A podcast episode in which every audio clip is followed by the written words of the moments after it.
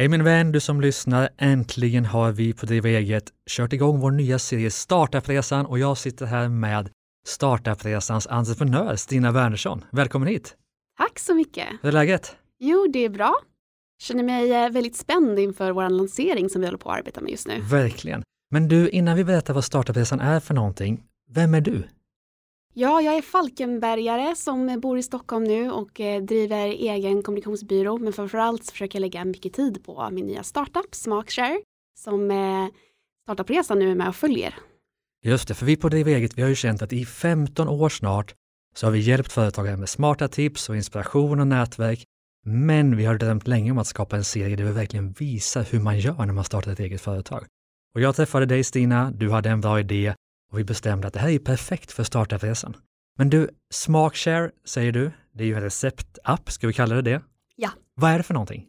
Ja, men det är en plats där du kan spara alla dina recept på ett ställe och också få matinspiration för kvällens middagar. Det ska vara enkelt och smidigt och eh, ja, inspirerande.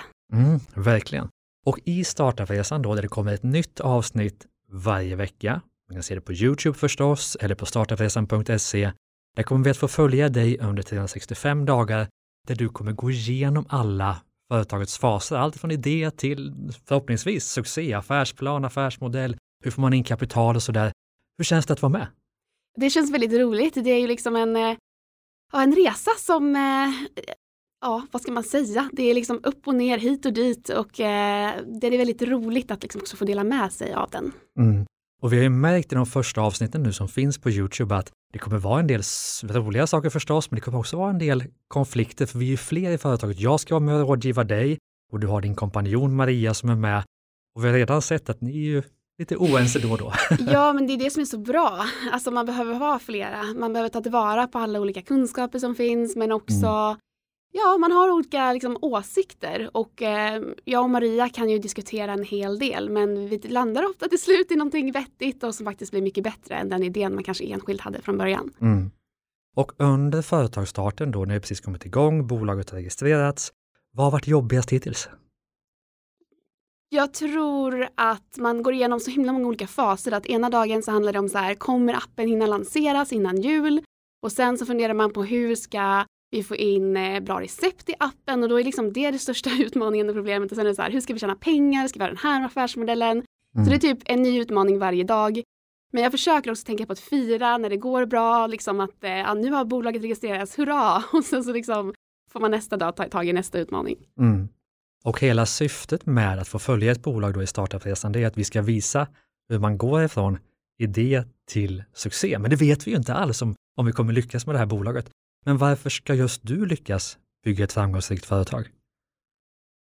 Ja, alltså jag, det är fokus på idén, liksom. fokus på att jag verkligen tror på att eh, det behövs en app och en plattform där man kan spara alla sina recept för att enkelt laga bättre mat. Mm. Så det, det, min drivkraft är ju att eh, dels för mig själv men såklart då för våran kund att göra det enklare i vardagen, äta bättre mat, eh, göra det enklare att laga maten. Ja, så det är därför jag hoppas på att jag kommer lyckas med den här idén. Att det finns en go-to-plats för alla sina recept så att det enkelt går att laga mat. Mm.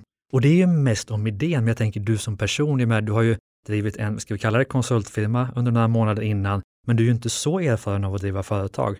Vilka egenskaper har du som du tror är viktiga? Jo, men eh, jag gillar eh, att få saker och ting att hända. Det känns ju väldigt mm. klyschigt, men eh, jag är väl någon form av en doer och framförallt i kommunikation och liksom projektledning, mina starka sidor. Jag jobbar mycket med sociala medier, mycket med liksom Instagram, bygga närvaro där.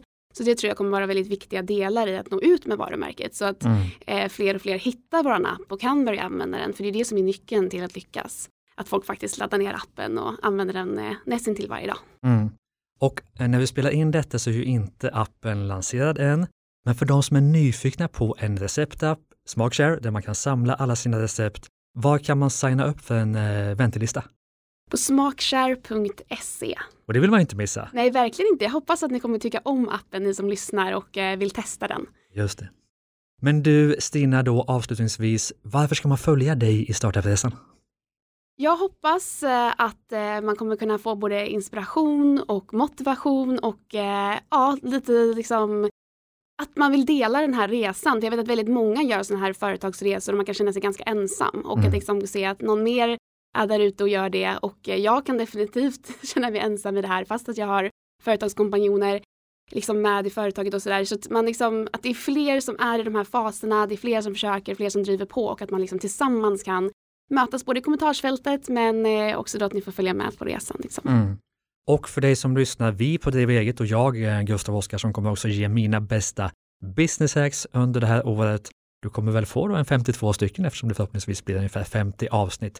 Och det är en härlig möjlighet för dig tycker jag som lyssnar att, eh, att följa en företagsresa, se alla misstagen, se alla framgångsfaktorerna och verkligen få, få se hur det är, vare sig du ska starta eget eller eh, har ett företag som ska, som ska levla. Men du Stina, tack så mycket för att jag fick kort intervjua dig om startupresan. Tack, väldigt roligt att få vara här.